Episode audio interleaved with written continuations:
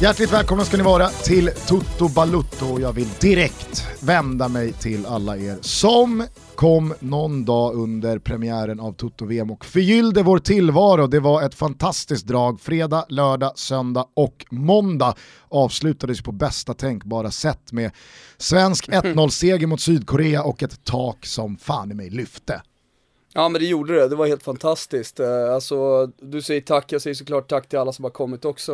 Eh, det har varit förbannat roligt och det gör ju att man ser fram emot det här mästerskapet ännu mer i och med att vi har många dagar kvar att se fram emot. Alltså det känns ju som att VM har pågått länge nu. Jag tror att det är för att man har jobbat så mycket med förberedelserna, vi har gjort Tutski Balutski och, och, mycket annat man har sett fram emot det här. Och sen så är det ju väldigt pumpat liksom, det är mycket matcher man kan se. Eh, man är van vid då ligalunket när det är tre skärmar på samtidigt. Det som är skönt under VM, det är ju att matcherna avlöser varandra med lite studiosnack däremellan. Eh, så man får tre matcher per dag och ja, men det, det är liksom, det, det, är fotboll hela tiden på något sätt, men du kan ändå fokusera på en match. Eh, så, eh, men det gör lite, i alla fall för mig, eh, eller skapar känslan av att eh, det här mästerskapet har pågått jättelänge och så bara kollar man på schemat som är, som är kvar. Jag menar idag när vi spelar in det här så har vi fantastiska matcher. Jag ser jävligt mycket fram emot Argentina-Kroatien. Alltså vad ska hända där med Argentina som bara fick kryss i sin eh, premiärmatch mot eh, Island. Eh, vi har Sverige-Tyskland på midsommardagen. Ja, det, det, det, finns otroligt mycket kvar och ja, det, det, det är fan bästa tiden är nu brukar man säga. Bästa tiden är onekligen nu. Ja verkligen, man får inte glömma bort att njuta. Men precis som du är inne på, det återstår ju väldigt mycket av VM, återstår också väldigt mycket av Tutto-VM. Så att eh, alla ni som eh, sitter och tvekar och tänker, ska man kanske gå ändå? Ja men vad fan, in på tuttobalutto.se och så hittar ni eh, biljetter till något event ni tycker är roligt. En del är dock redan slutsålda, så att eh, håll inte på hanen för länge va. Men jag hoppas Nej. att vi ses på Kung Karl allihopa. Jag hoppas jag verkligen.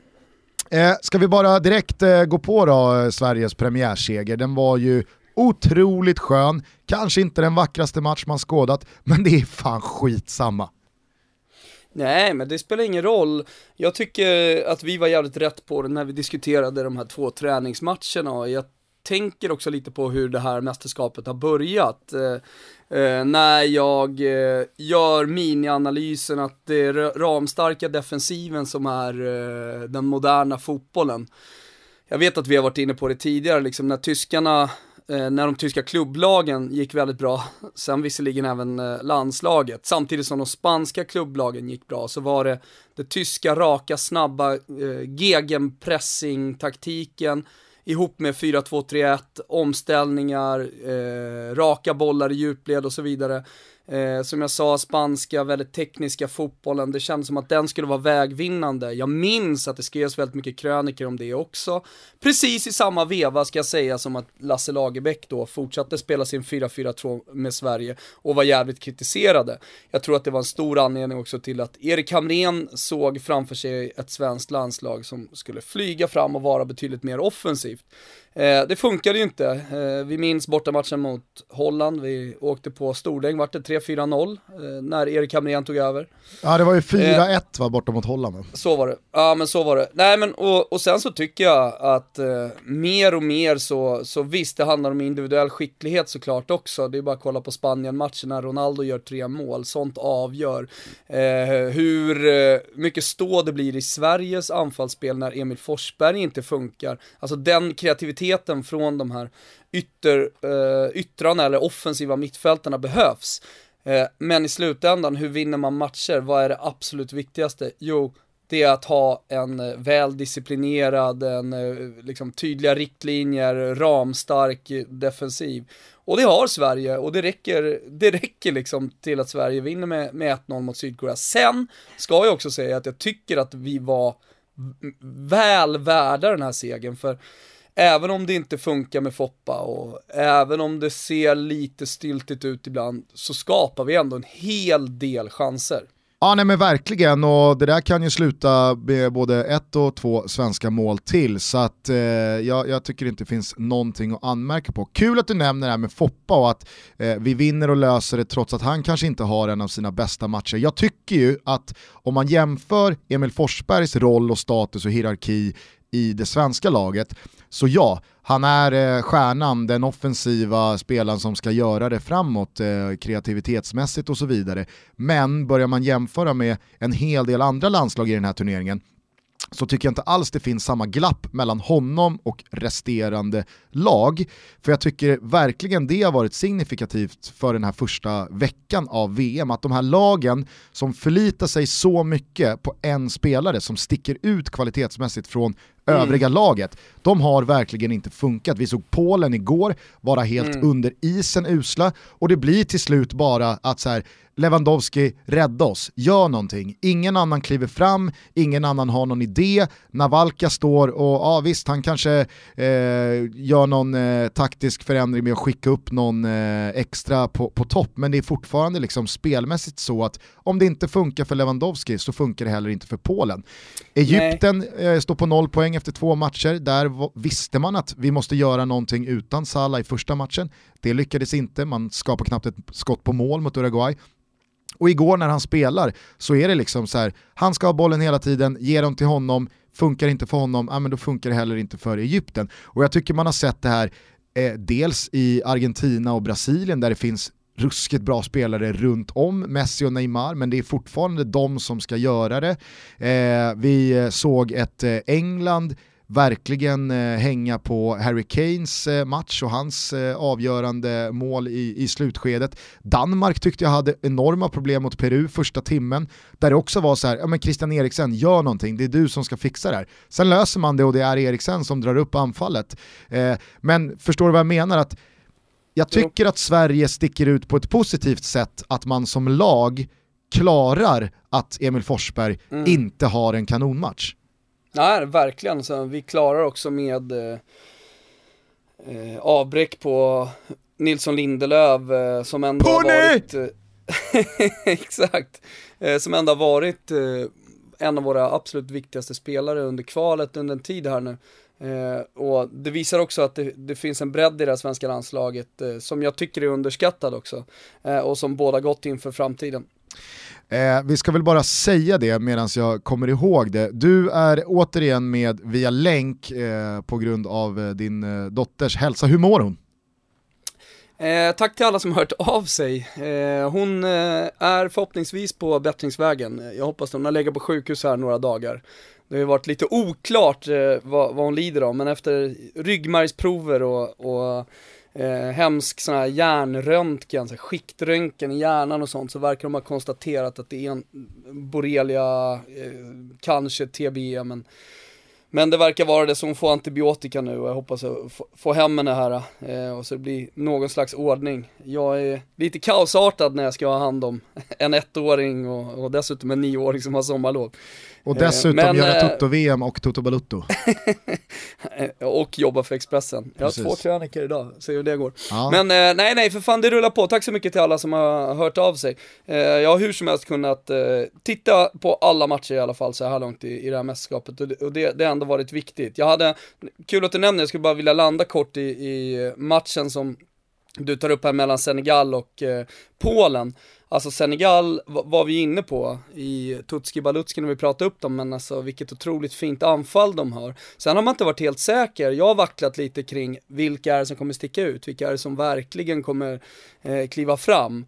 Att det skulle vara Niang, eh, en spelare som jag följt eh, väldigt nära från Milan-tiden då via olika utlån eh, och sådär. Det, det såg i alla fall inte jag riktigt framför mig. Jag hade nog valt en två, tre spelare framför, inte minst Mané.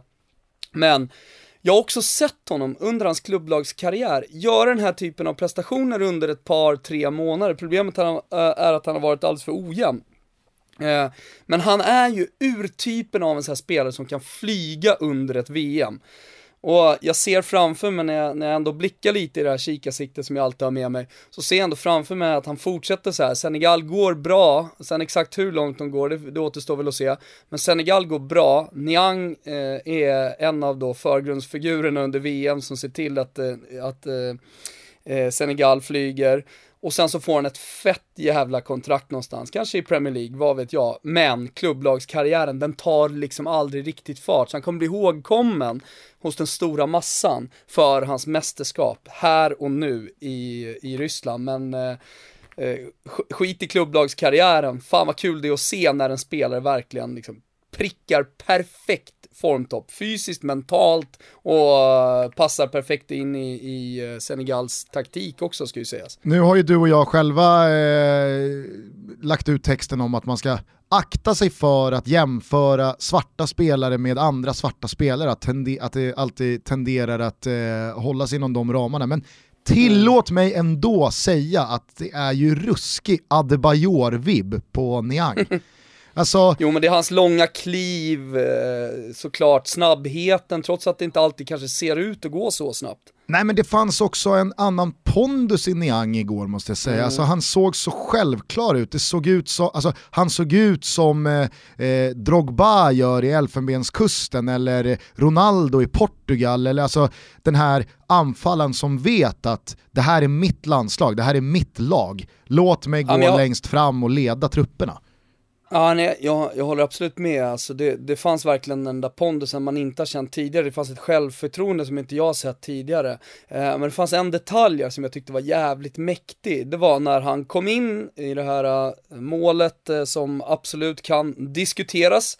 Inte minst Jonas Eriksson satt ju i SVT-studio och tyckte att, uh, tyckte att det var fel även om regeln liksom sa att han fick hoppa in. Eh, alla som inte såg målet, eh, jag tror att de flesta som lyssnar på den här podcasten ändå har gjort det, men jag säger ändå, han blir skadad och hoppar ut och sen så får han komma in precis när eh, Polen då gör ett hemspel, det är Krychowiak som ska lira hem det, han ser inte att Niang kommer. Och sen så fångar han upp bollen, men det är i någon millisekund där han är på väg att ramla. Jag ser framför mig hur han halkar eller orkar inte riktigt stå upp för att han gör en liten riktningsförändring i väldigt hög fart. Men när man ser reprisen så är han aldrig ens nära. Så det finns en fysisk styrka i den där jävla kroppen som är otrolig. Sen firade han målet exakt som Adebayor gör. ja du ser, det tänkte jag inte på. Men eh, nu när du säger det. Ja. Eh, annars så måste jag säga att det stora utropstecknet eh, från de senaste dagarna hämtar man ju från den här gruppens andra match, Colombia-Japan. Alltså den starten på matchen, och då pratar jag eh, liksom framförallt innan fotbollen ens började spela, alltså att James Rodriguez, Bacca och Muriel är utanför startelvan i Colombia. Det kanske inte är så konstigt att Muriel sitter på eh, den colombiska avbytarbänken, men att både Bacca och Muriel sitter där när James är utanför tycker jag är anmärkningsvärt i, på, på, eh, på andra planhalvan så står ett Japan med både Okazaki och Honda utanför startelvan. Så det var ju verkligen så här, var, var är alla stjärnor? Varför sitter alla på bänken? Och sen att de får den här starten, de får Japan med Carlos Sanchez utvisad efter 3-4 minuter, straff 1-0. Och helt plötsligt så är Colombia som alla var överens om ändå gick in som favorit i den här väldigt öppna och ovissa gruppen. Nu är ju de i superbrygga. Men det är ju det, det, är det som är VM, det är många i brygga liksom. Tyskland i brygga, Argentina minibrygga, det är tre matcher. Det är så oerhört viktigt att ta den här första, att få tre poäng i första omgången. Ah. Man glömmer bort det mellan eh, åren som går då eh, när det inte är mästerskap och sen så är man där igen. Vi minns ju hur det var mot Irland också. Visserligen hade vi två jävligt tuffa matcher efter, men, men det var ju väldigt lik i alla fall, om man bara kollar i svensk del så var det ju väldigt lik scenariot som nu är med Mexiko och Tyskland som kommer sen och att det vinna eller försvinna lite i första matchen som det var mot Irland då. Eh, men eh, att, eh, att det är så många lag ändå som är skraja att inte ens ta sig vidare. Eh, det, ja, det säger någonting. Sen så tror jag till exempel i den här gruppen så kommer det fortfarande hända väldigt mycket. För att även om Japan imponerar lite stundtal så, så spelar de nästan hela matchen med en man eh, mer, eller hur? Absolut. Alltså, det skulle inte förvåna mig om Japan lämnar den här gruppen med just tre poäng. Nej. Nej, det, det, det blir som sagt ett getingbo att följa grupp H. Fina, fina grupp H. Det är alltid den sista gruppen som brukar vara den finaste. Minns man ju från Ja. åren i Europa League Någon också. jävla anledning, ja exakt. Men- Fina fina grupp F, minns man om inte annat. Eh, bara kort eh, kring just eh, Tyskland-Mexiko, alltså våra kommande motståndare. Det var ju på många sätt katastrofalt att Mexiko slog Tyskland. För det omkullkastar ju hela kalkylen för hur det här ska sluta. Jo, det nu det- spelar vi ju helt som är- plötsligt mot Tyskland istället för mot Mexiko. Kanske, alltså... Ja, men jag ser ju hur Sverige åker ut på sex poäng. Det är Ja, ju fullt rimligt. andra Vi, vi får spö av Tyskland parallellt med de här matcherna Jag är inte så jävla säker ju... på att mexarna vinner över Sydkorea. Nej, men okej, jag Nej, säger bara... helt ärligt alltså. Om någon sitter och gnuggar sig i huvudet och undrar hur fan kan Gugge tro att Sverige åker på 6 poäng så tänker jag att Mexiko slår Sydkorea, då står de på 6 poäng. Förmodligen så slår de Sydkorea, i alla fall i mitt huvud, med fler bollar än vad vi gjorde. Om vi då torskar mot Tyskland, då står de på 3 poäng och ska möta Sydkorea i sista. Jag antar att de då går i mål på 6 poäng. Vi behöver då slå Mexiko för att dels bara komma upp i 6 poäng som Tyskland och Mexiko redan har då, och då kommer det handla om en målskillnadsaffär. Och där ser jag våra förutsättningar som sämst. Så att jag orkar faktiskt inte Thomas, jag orkar inte vara med om att Sverige åker på 6 poäng. Nej, Eh, men, men jag, jag har nästan landat lite i efter den här första omgången efter SVTs eh, katastrofala fiasko när man försökte då ta reda på hur det egentligen ligger till med Rysslands avancemang till åttondelsfinalen och om Saudiarabien fortfarande har chansen. De hade till och med liksom tagit fram grafik då och räknat ut det men det visade sig vara felaktigt. Eh, Nanskog säger i något läge, givet läge, eller han tröttnar i något givet läge och säger bara vad fan håller vi på med, kan vi bara skita i det här? Jag är väl mer inne på Ola Wenströms linje liksom, att det, det, det ligger i arbetet att ta reda på exakt hur det ligger till. Och man, jag, jag ska komma tillbaka till vad, jag själv känner, men, men bara för att kommentera studion ytterligare, så så är jag, jag, jag funderar inte speciellt mycket på Johanna Frändén eller på Jonas Eriksson som sitter i studion, för de har ett arbete att göra att sitta där. Eh, och, och har säkert jättemycket att tänka på och kolla på matchen och, och fundera över hur man ska uttrycka sig och sådär emellan när man inte är live så att säga.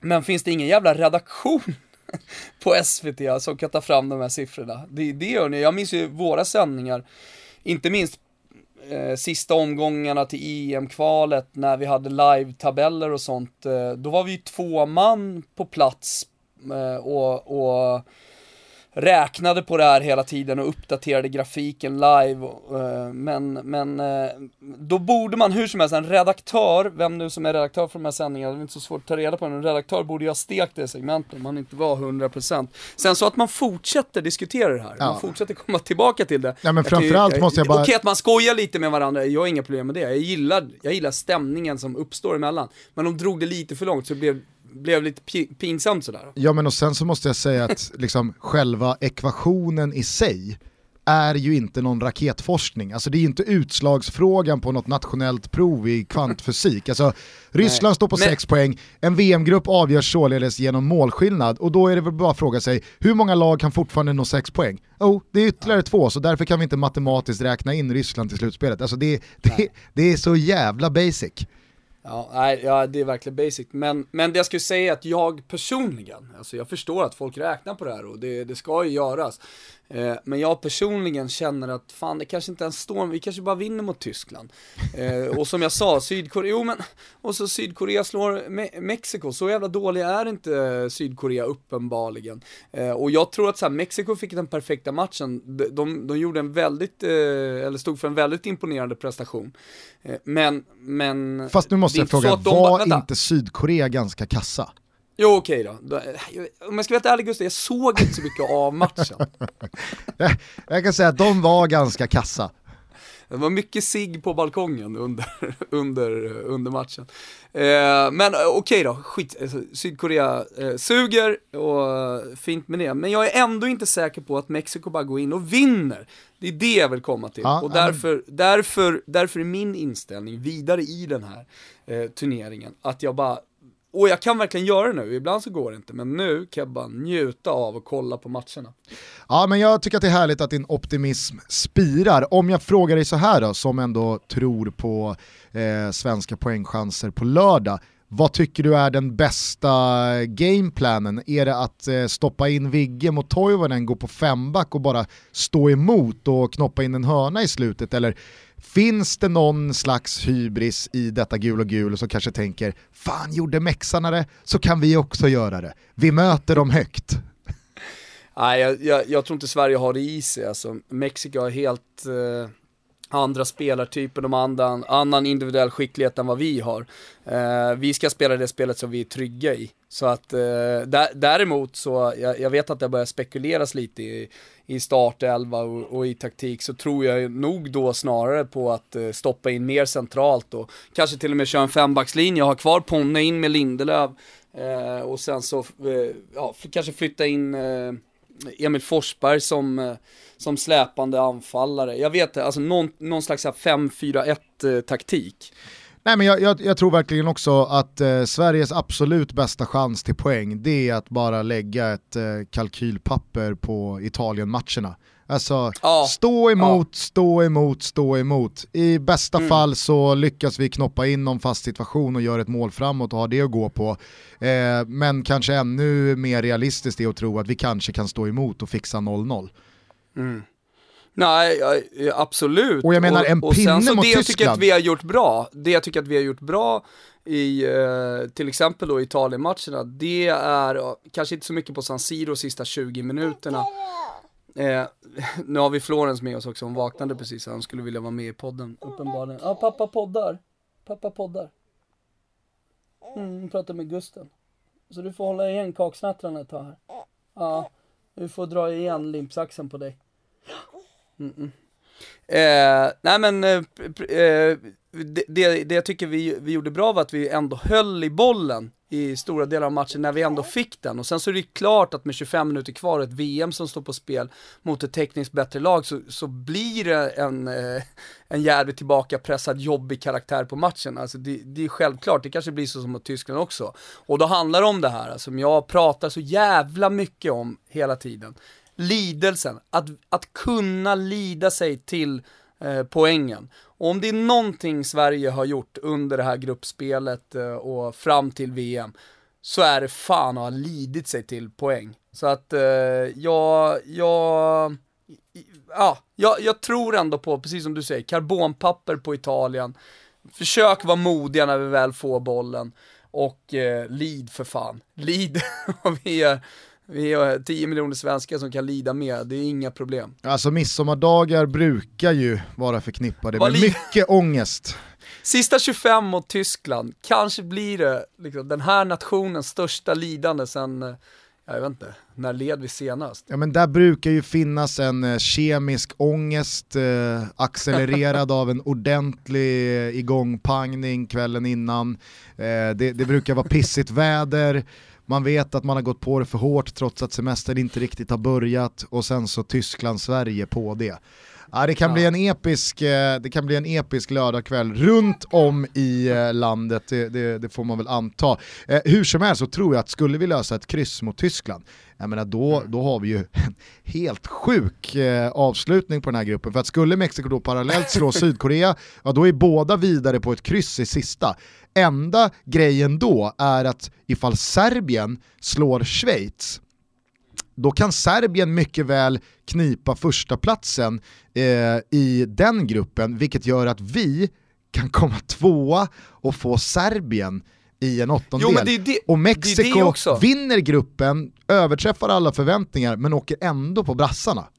Jo men håll med om att det är så jävla enkelt när man sitter och gör sitt träd, eh, när man gör eh, Betsson 250 miljoners trädet, då känns ju allting så självklart. Jo, jo men brassarna vinner ju sin grupp. Sitter du ner med dina kompisar och pratar, har det någonsin varit aktuellt med någonting annat än att brassarna vinner sin grupp? Nej. Nej, det har det inte varit. Ja men brassarna vinner ju bara, eller hur? Det är sån övertygelse eh, hela tiden. Men, eh, precis som du säger, nu ser vi att det kanske inte kommer bli så. Och så står vi där med att en andra plats är, är bättre. Så att, ja, jag, är, jag är helt inne, inne, inne med dig här Gusten, men, men låt oss bara ta de här 90 minuterna som de kommer.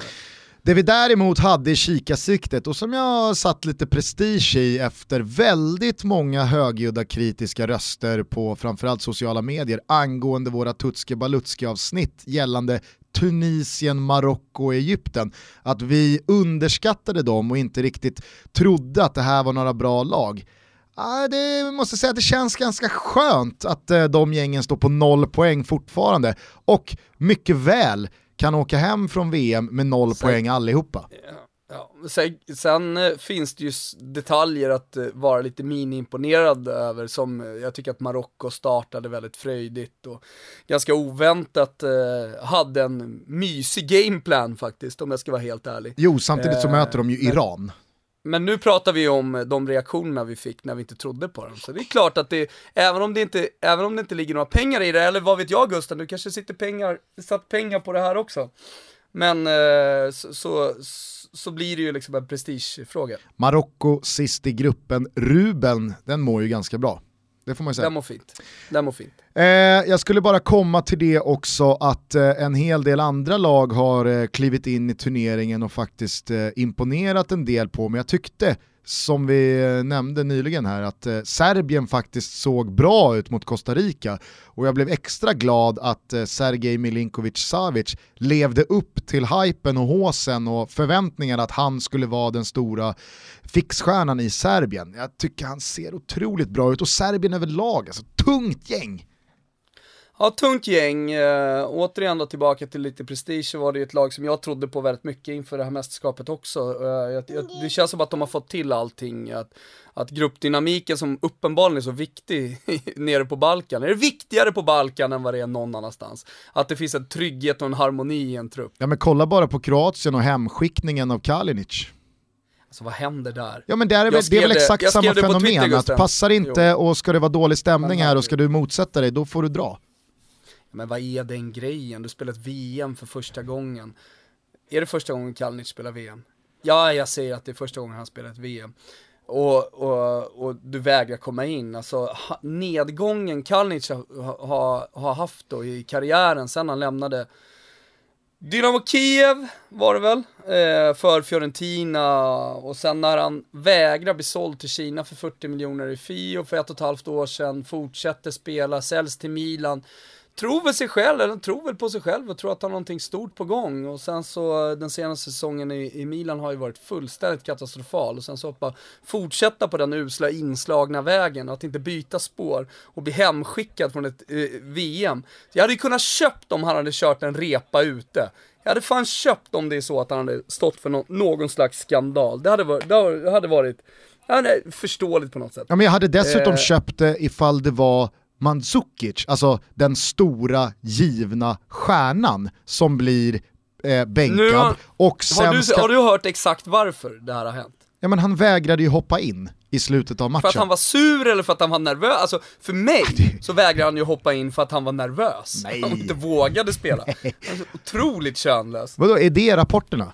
För att de, det jag har läst jag mig till är att han jag... vägrade för att ja. han var putt för att han inte fick starta. Och då var det så här, ja, men äh... nu passar det för er, men vet du, fan, jag är inte sugen längre. Ja, okay. Är han för nervös, då, då, är, då är det ju ett första... tjänstefel att ta ut honom, två, märkligt att skicka hem honom, då får man ju istället peppa honom på hotellrummet att kom igen Nikola, du är duktig, vi tror på dig. Nej, fan det är ännu större anledning att skicka hem dem. Det är bara så här, min första tanke med Kalinic var att han har inte is att bli sur på förbundskapten att han inte startar. Så att jag tog för givet att det var att han inte vågade hoppa in. Ja, nej. Det säger väl kanske någonting om, eh, om, om vad Kalinic skickar för jävla signaler, eller har skickat för signaler de senaste åren här. Jag ser det som för, för, eh, både i, alltså, i Milan, jag ska bara säga det, alltså i Milan så har han ju ändå accepterat bänken.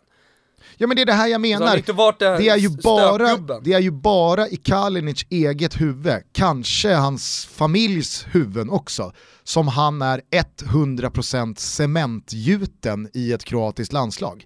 Alltså, det, det, det, det, kan inte ha kommit som en chock för resterande laget. Åh fan, nej men okej, Kalinic startar inte. Så är det väl med det. men ja. då tycker han att han har fog för att i ledning 2-0 med några minuter kvar säga vet du, nu passar det inte.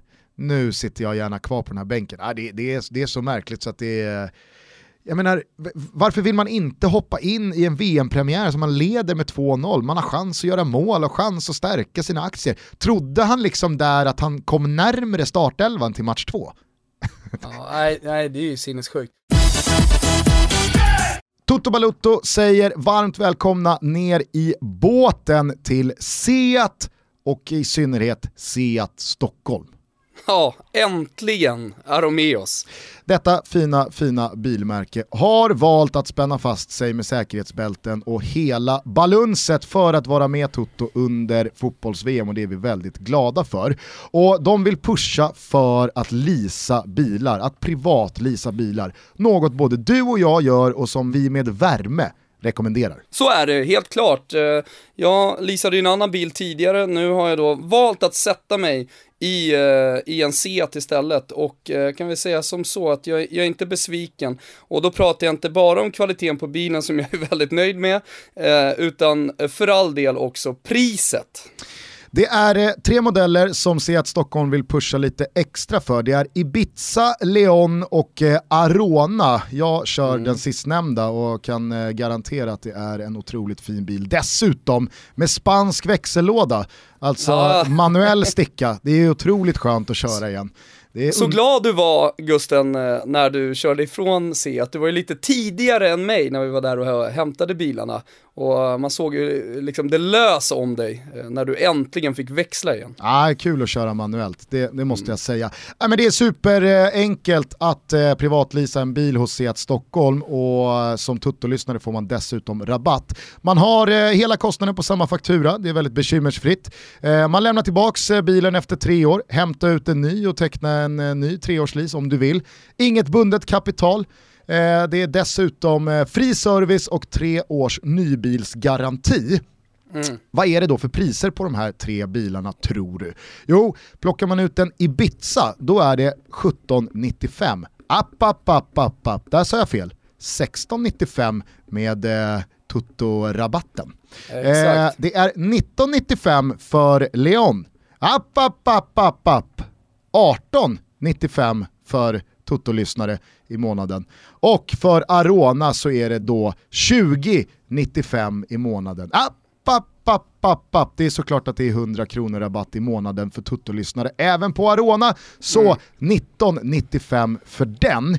In mm. på www.seatstockholm.se och kika runt eh, bland modellerna, eller varför inte ta er ut till eh, något av Seat Stockholms festen i Sätra, Södertälje eller Täby Snacka gärna också med Topdog Micke så får ni säkert mm. provköra en rackare.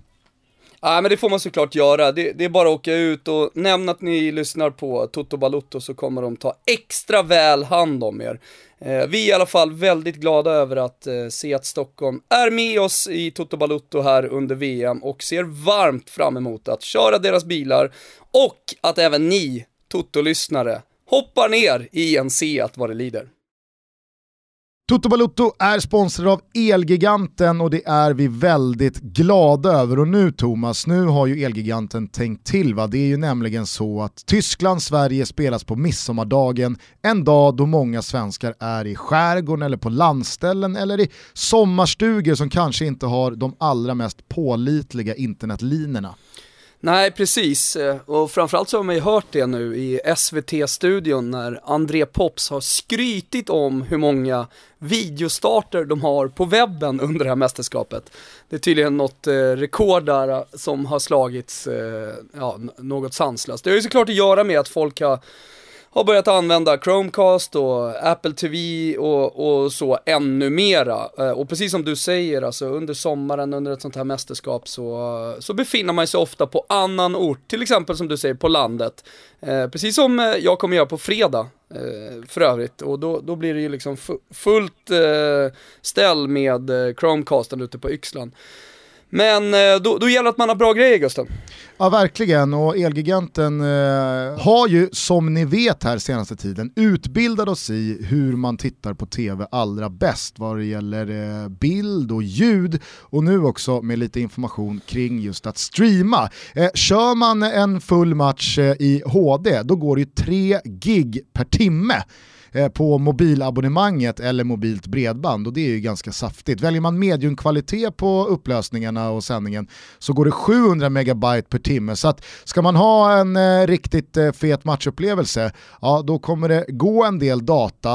Eh, men det är väl klart att man ska det för att eh, när det är fotbolls-VM och det är Sverige-Tyskland då pallar man ju inte kolla på någon, någon brusig, pixlig historia va? utan då ska det vara bra grejer. Och därför så hjälper Elgiganten alla Tutto-lyssnare att få extra bra pris på sakerna som kan lyfta en sån här sändning. Till exempel så kan man tjacka en Chromecast för 389 kronor på Elgiganten och en Chromecast Ultra med bättre bild för 780 kronor. Det är som vi har på kontoret. Exakt, men om man anger koden TUTTO i kassan då får man 20% rabatt. Eh, det här erbjudandet gäller till och med sista juni och det är dessutom så att man kan jacka upp sitt nätverk med Jensen Omni Mesh Kit.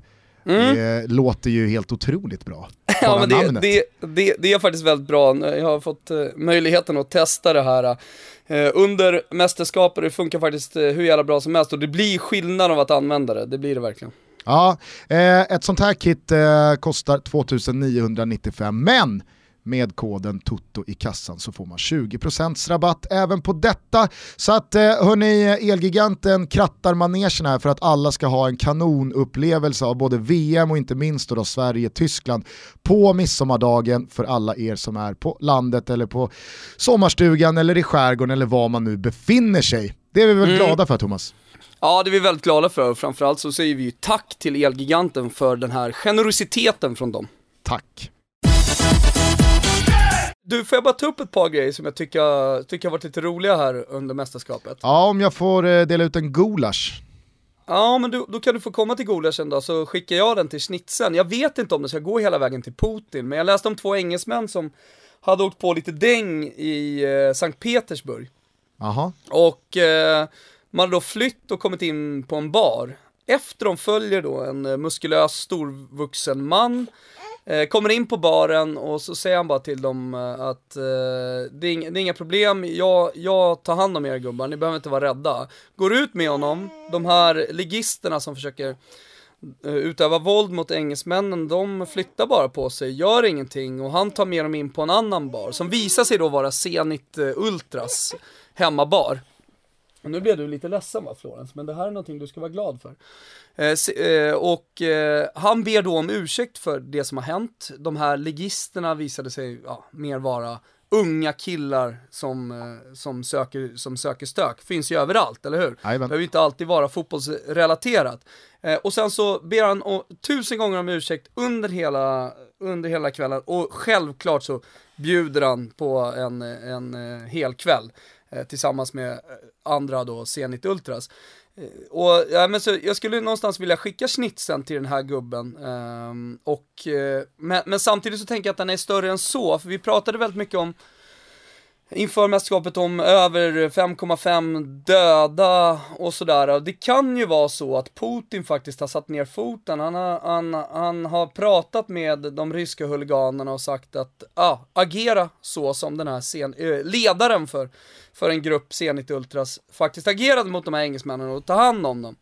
Eh, sen tror jag att på given signal så kan ju, så, så, så kan ju eh, en armé av eh, storvuxna ryska män gå in och styra upp saker och ting eller gå in och sätta ner foten. Jag tror absolut eh, heller inte att som... man ska underskatta att Ryssland har börjat med 6 poäng och 8-1 i målskillnad och det är klang och jubel och det är ganska kul med fotboll.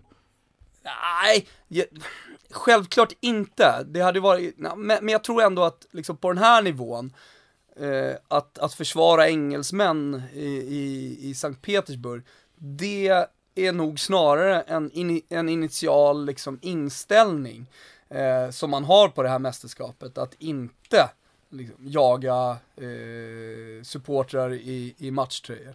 Eh, och, och någonting säger mig ändå att det är organiserat på det här viset. Så kanske är det så att det, det landar ändå en liten kalvschnitzel på Putins bord också. Eh, får man bara haka på schnitzelbuffén och ge en, en liten tugga till eh, starten app, app, VAR har fått?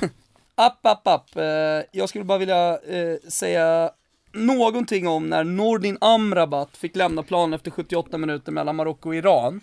Och alltså bytet kom efter en ganska otäck krock på planen, jag vet inte, såg du det här? Ja. Eller tänkte du på det här? Ja. För när lagläkaren kommer in och ska ta hand om honom, de brukar ju lysa i ögonen lite sånt där. Eh, kolla så att de mår bra. Men, men eh, vad gjorde lagläkaren då? Jo, ja, han sprutade vatten rätt i plytet på honom. och så delade han ut några lätta örfilar, alltså klassikern. Här är snubben som åker på knock. Äh, vi har lappat till honom lite, ser hur han mår. Det var en fin stund, lite Ja. tyngre dock för Marocko. Det var väl där eh, Boadouche kom in och Ja, eh, några minuter senare knoppade in eh, 0-1 i egen bur. Många självmål så här i inledningen av eh, turneringen också har jag tänkt på.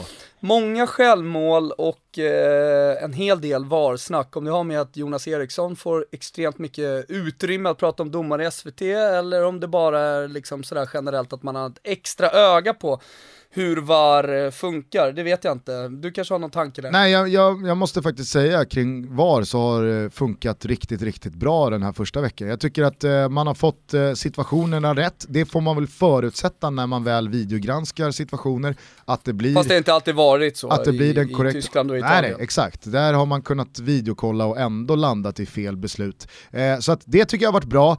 Det jag dock fortfarande har lite så här bryderier kring är vad som kollas och vad som inte kollas. Alltså, där tycker jag att det har varit eh, ganska så svag kommunikation kring vad det är som gäller. För att om man nu har VAR, var drar man gränsen för vad som är värt att kolla och vad som inte är värt att kolla?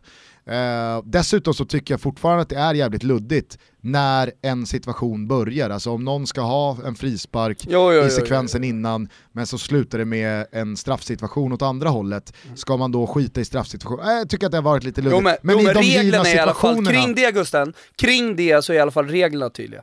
Ja, jag tycker att eh, kommunikationen har, har varit eh, lite halv eh, oklar. Skitsamma, jag tycker i alla fall att VAR har fått en mycket, mycket bättre start än vad jag vågade hoppas på.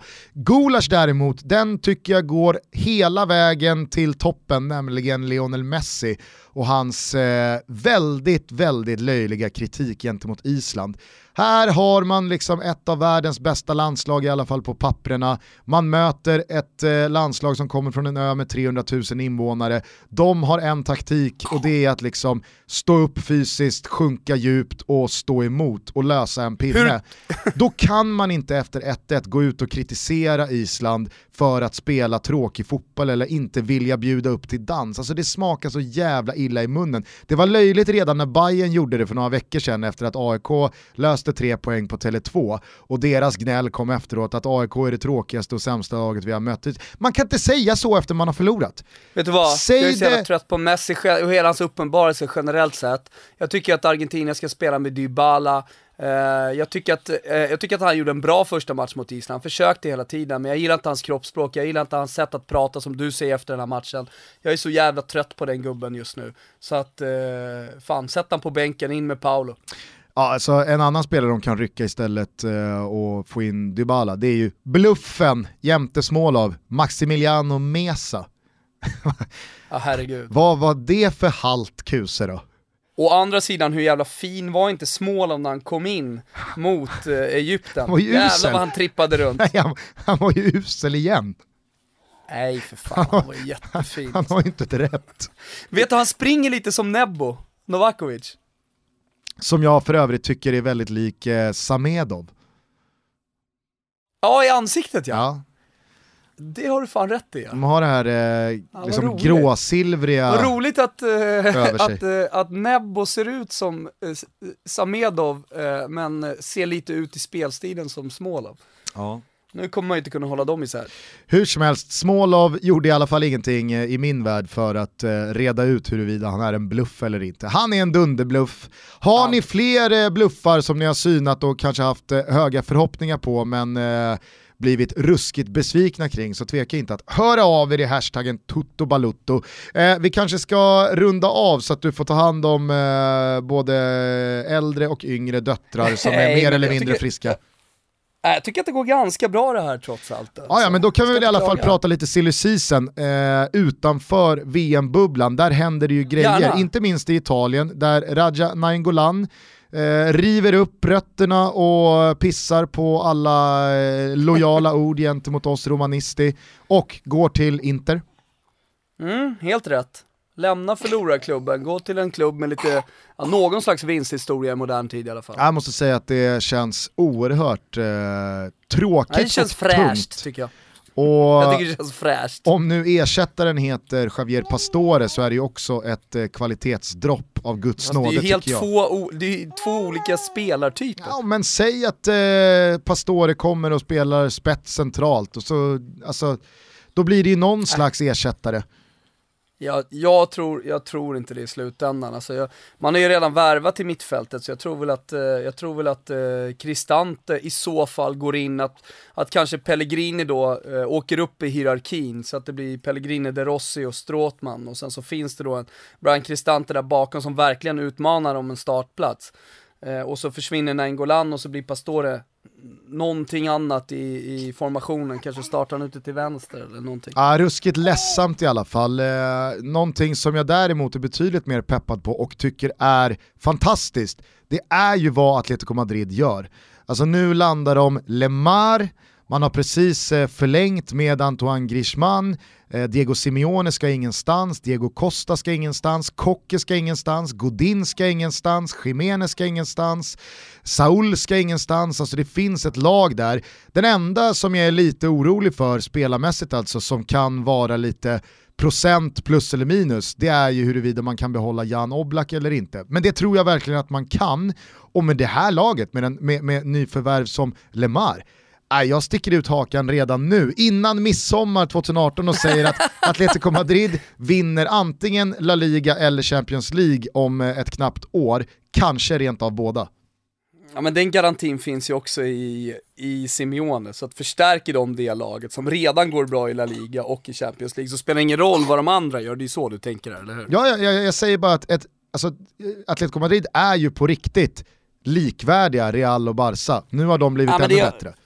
Ja men, oh, precis, och sen ska väl de värva också, men, men eh, man, man känner väl sig kanske lite negativt inställd till Real Madrid i och med att de ska byta ytterligare en tränare.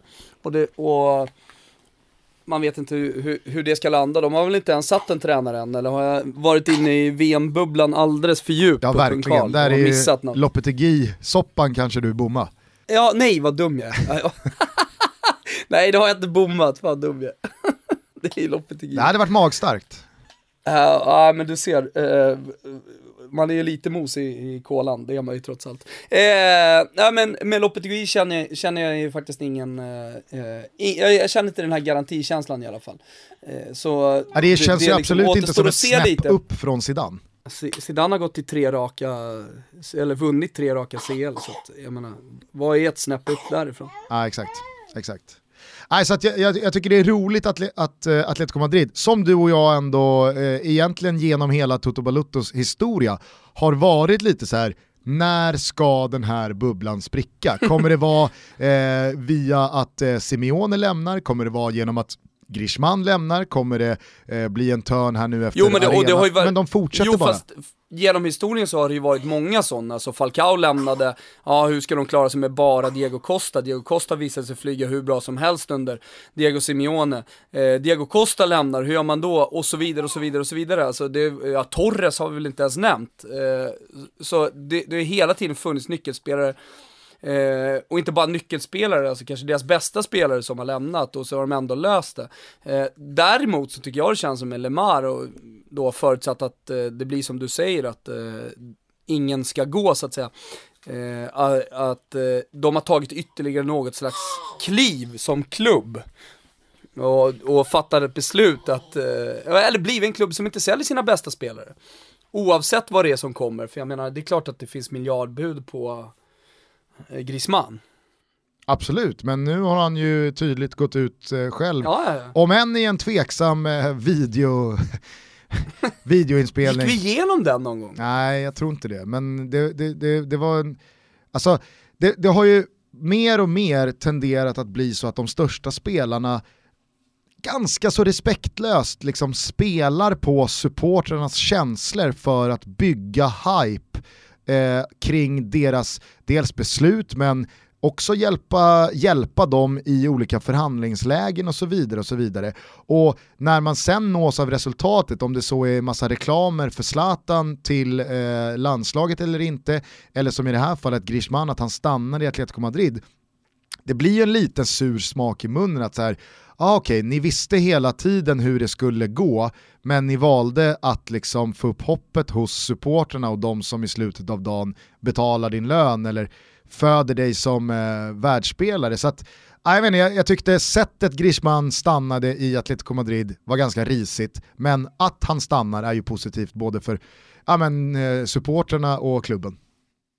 Ja, jag, jag håller helt med. På tal om då den spanska ligan och på tal om vad som kommer hända i, i de här storklubbarna. Ett kort ord, eftersom vi pratar om Messi, det känns ju som att eh, man i no någon slags mening efter också ska nämna Cristiano Ronaldo. Och på det sättet han eh, ja, fick Portugal att leva kvar i matchen mot, eh, mot Spanien. Och sättet som han sätter trean på med all press och hela världens blickar på sig, det var ju den eh, moraliska premiären. Man brukar prata om eh, moraliska finaler.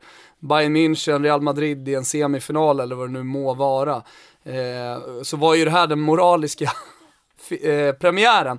Och, och göra det på det sättet, eh, alltså fy fan, jag, jag är så sjukt imponerad. Jag, och jag skrev en tweet efter, så ja, men kan vi inte bara stänga den här diskussionen om Ronaldo och Messi en gång för alla? Det jag menade var ju, var ju i eh, en kontext att just nu så, så finns det bara en spelare som är bäst i världen, och det är Ronaldo. Eh, men, men, just nu, kolla på de senaste säsongerna, sättet han, han tar Real Madrid hela vägen och vinna, sättet han leder Portugal till ett, till ett guld i, i, eh, i EM. Alltså senaste säsongen, jag, ty jag, tycker liksom, även om jag, kanske Leo Messi rent eh, fotbollstalangmässigt är större, vad vet jag, kanske om man summerar deras båda karriärer med titlar och mål och alltihop, att Messi hamnar före, det är inte det jag pratar om, jag pratar om här och nu. Stäng diskussionen. Det finns en kung på fotbollsscenen och en kung bara. I många år så har det varit Messi eller Ronaldo. Och det har varit sånt jävla jämnt skägg så att man måste gå på då subjektiva känslor kring de här spelarna. Eh, och det kan ju handla om att man inte gillar eh, en av dem som person eller en spelstil som man går igång på mer än Messi, små, snabba, korta stegen och så vidare. Eller i mångas men, fall, men, vilket lag håller man på? Real Madrid eller, eller vilket Barcelona? lag håller man på? Ja, och så, så finns det säkert kombinationer däremellan som gör att det blir starka känslor åt ett eller annat håll. Men här och nu finns det ingen diskussion. Och det är första gången jag känner det att det, det är inte Messi eller eh, Ronaldo, det är inte ett tvålagsrace utan det är Ronaldo och sen kan vi diskutera vem som kommer tvåa till och med. Ja, alltså jag, jag, jag har ju svårt att komma med ett eh, motargument. Vem, vem, vem är tvåa just nu? Det kanske är Messi, visst. Men så tydligt etta, tvåa som de har varit, det, det, det, det, det finns inte längre. Nej, eh, jag tycker att eh, de orden får stänga ner dagens eh, Toto Balutto. Vi har en ambition om att eh, återkomma på söndag, alltså dagen efter midsommardagen när Sverige och Tyskland har mötts eh, i den andra gruppspelsomgången i Sochi. Man är ju ändå lite avis på alla gul och gul och supportrar som kommer fira midsommar i Sochi, på stranden. Ja, det, det, är vi ju verkligen. Vi hade ju faktiskt ett bud här på att åka ner och hålla i någon slags strandfest nere i Sochi, men men eh, vi är trogna kung Karl och vi är trogna alla som har bokat biljetter dit så att vi, vi stannar hemma och firar på kung Karl. Och jag ska säga det, alltså strandfesten, självklart nummer ett att gå och sådär. Men har man inte möjligheten, då finns det en annan fest att vara på och det, det är hos oss. Det har vi i alla fall de här första dagarna visat. Och det är tack vare alla er jävla kungar och drottningar för all del som har varit på plats och, och sjungit dels om Sverige men eh, hållt stämningen hög och så bidragit med väldigt mycket glädje. Eh, ni har tackat oss väldigt mycket när ni, när ni skriver på sociala medier och mejlar och är på plats, men alltså, det största tacket kommer från oss till er. Bidragit med väldigt mycket glädje har också Betsson gjort genom hela Toto-historien och det fortsätter de ju göra även nu under VM såklart. Under godbitar och boostad odds finns varje dag en hel rad härliga spel att sitta med en liten peng på när det rullar både tre och fyra matcher varje dag. Så att gå in på Betsson.com och eh, botanisera under den fliken, alltså godbitar och boostade odds, så kan vi säkert hitta ett par roliga lir. Hela vägen fram till lördagen då du och jag återkommer med en ny boostad trippel kring Sveriges match. Det var ju jäkligt synd i premiären mot Sydkorea att Lustig inte kunde ta sig en liten ostskiva. Han var ju värd. det är han alltid, Big Mike. Eh, men vad fan, vi ska upp på kusen igen, det ska ni också, så att eh, vi syns eh, på Betsson.com, tack till er. Och så släcker vi ner dagens avsnitt, går ut och kollar när eh, Ronaldo då kanske fortsätter att understryka sin plats som herre på täppan. Eh, vi mm. ser Uruguay göra slarvsylta av Saudi och sen så tycker jag också att eh, jag ser en eh, kross av Iran från spanskt håll i mitt kikarsikte. Ja, nej, jag ser inte emot det där Gusten, eh, det återstår att se. Eh, som sagt, tack för att ni lyssnar, fortsätt göra det. Nu som ni hör så har jag en ivrig tjej här bredvid men fick precis smset också att det är bekräftat borrelia och det är sällan man jublar över att någon har fått eh, borrelia, men just nu i mitt fall så är det fan jubel. Uh, nu lever VM vidare för nu finns det antibiotika att sätta in. Så att, uh, nu, nu, nu, nu gasar vi bara på Gugge. Krya på er borta där i Rönninge. Tack uh, till alla som har hört av sig med fina ord om både Tutski, Tutto och Kung Karl. Det finns en rad datum kvar att joina festen. gör det, vi ses där och så hörs vi igen på söndag. nu! Nu! Så... Nu lyssnar vi på Kejas nya låt. Ja, Flacco! Flacco. Eh, som är en dans som jag ska kanske testa mig på. Fan vet jag. Du vet, Vi ska väl, också, på den. du vet väl också vad Flacco är? Det är ju eh, Perus eh, förbundskapten. Aj, aj, aj, ja men du ser. Han kallas ju El Flacco. Eh, hörni, eh, morsning, korsning, barnförlossning, eh, puss till Keja. Jävla banger det här. ja, det är jävla banger. Ciao, här på er. Ciao tutti. Ciao tutti. Helt svart outfit som Batman. Björn Borg tugger på min backhand. Minns när jag var liten spelade Pac-Man. Nu för tiden bars fått plats i min Snapchat. Bror det här lät inget konstigt. Men you flow boy jag Georgic. Det är för mycket prat här, folk de connish. Alla vill vara wifis med allt jag hörde gossip. Klubben den är full av demoner. Uppe down low, snälla ta mig till Skåne. Vem vill vad? Palla dig med några frågor. Känner du som jag, det är bara hoppa på tåget. 1, 2, 3 och vi lutar tillbaks. 1, 2, 3 och vi lutar tillbaks. 1, 2, 3 och vi lutar tillbaks. Oh,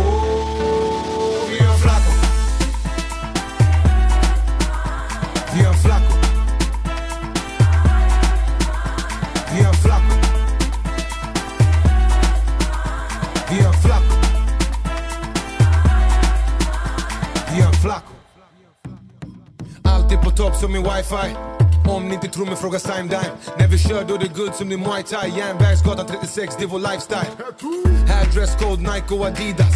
Annars marockansk wack, gelibia Hitta mig på din kant med nån fika. Mack och lite te, R&B i min shisha. Men vi tar det lugnt, aldrig bråttom. Kasta den i ugnen, låt den poppa den som popcorn. Jag och gamling till vänster på nåt år. Shoot i hela landet men så här gör vi i Stockholm. 1, 2, 3 och vi lutar tillbaks. 1, 2, 3 och vi lutar tillbaks. 1, 2, 3 och vi lutar tillbaks.